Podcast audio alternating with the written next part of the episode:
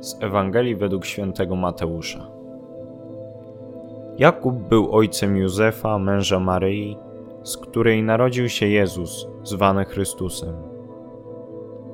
Z narodzeniem Jezusa Chrystusa było tak. Po zaślubinach matki jego Maryi z Józefem, wpierw nim zamieszkali razem, znalazła się brzemienną za sprawą Ducha Świętego. Mąż jej, Józef, który był człowiekiem sprawiedliwym i nie chciał narazić jej na zniesławienie, zamierzał oddalić ją potajemnie. Gdy powziął tę myśl, oto anioł pański ukazał mu się we śnie i rzekł: Józefie, synu Dawida, nie bój się wziąć do siebie Maryi, twej małżonki, albowiem z Ducha Świętego jest to, co się w niej poczęło porodzi syna, któremu nadasz imię Jezus. On bowiem zbawi swój lud od jego grzechów. Zbudziwszy się ze snu, Józef uczynił tak, jak mu polecił anioł pański. Kościół stawia dziś przed nami szczególną postać. Osobę, która na kartach Pisma Świętego nie wypowiedziała ani jednego słowa, a paradoksalnie przez to wypowiedziała bardzo wiele. A tą postacią jest święty Józef. W dzisiejszej Ewangelii słyszymy u Mateusza, że Józef był mężem Maryi, ale nie fizycznym ojcem Jezusa. Przyjmuje go jednak jako syna, który jest darem, który Bóg daje mu przez Maryję.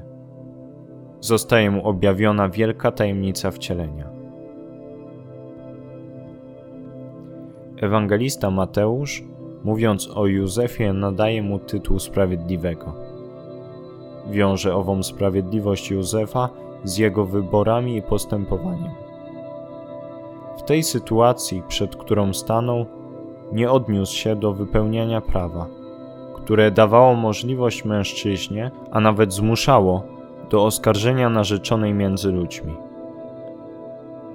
Będąc sprawiedliwym, Józef uważał, iż nie może publicznie oskarżać Maryi, gdyż uważał ją za niewinną, pomimo że pozory przemawiały przeciwko niej.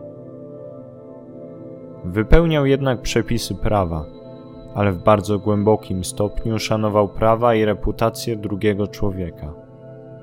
Posiadał wyjątkowe sumienie, bardzo delikatne.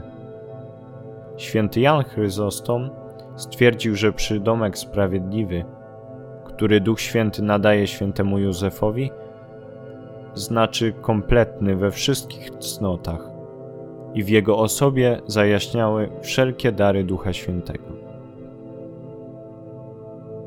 Pod koniec Ewangelii Józef w bardzo wyjątkowy sposób doświadcza Bożej komunikacji. Wtedy to zostaje mu objawione przez anioła, w jak wielkiej tajemnicy uczestniczy i dodaje mu odwagi, aby się nie bał.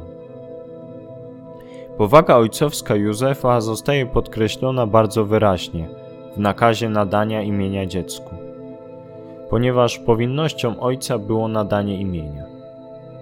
Józef staje się ojcem dla Jezusa nie pod względem biologicznym, ale w sensie duchowym i przyjmuje na siebie wszystkie obowiązki ojca względem syna. Czego nas w dzisiejszym świecie może nauczyć święty Józef? Przede wszystkim tego, aby słuchać Boga i Jego nakazów oraz być im posłuszny. Dlatego starajmy się przeżyć dzisiejszy dzień w wielkiej uwadze i skupieniu na tym, co Bóg chce konkretnie mi powiedzieć, i prośmy świętego Józefa, abyśmy byli otwarci na Jego słowo.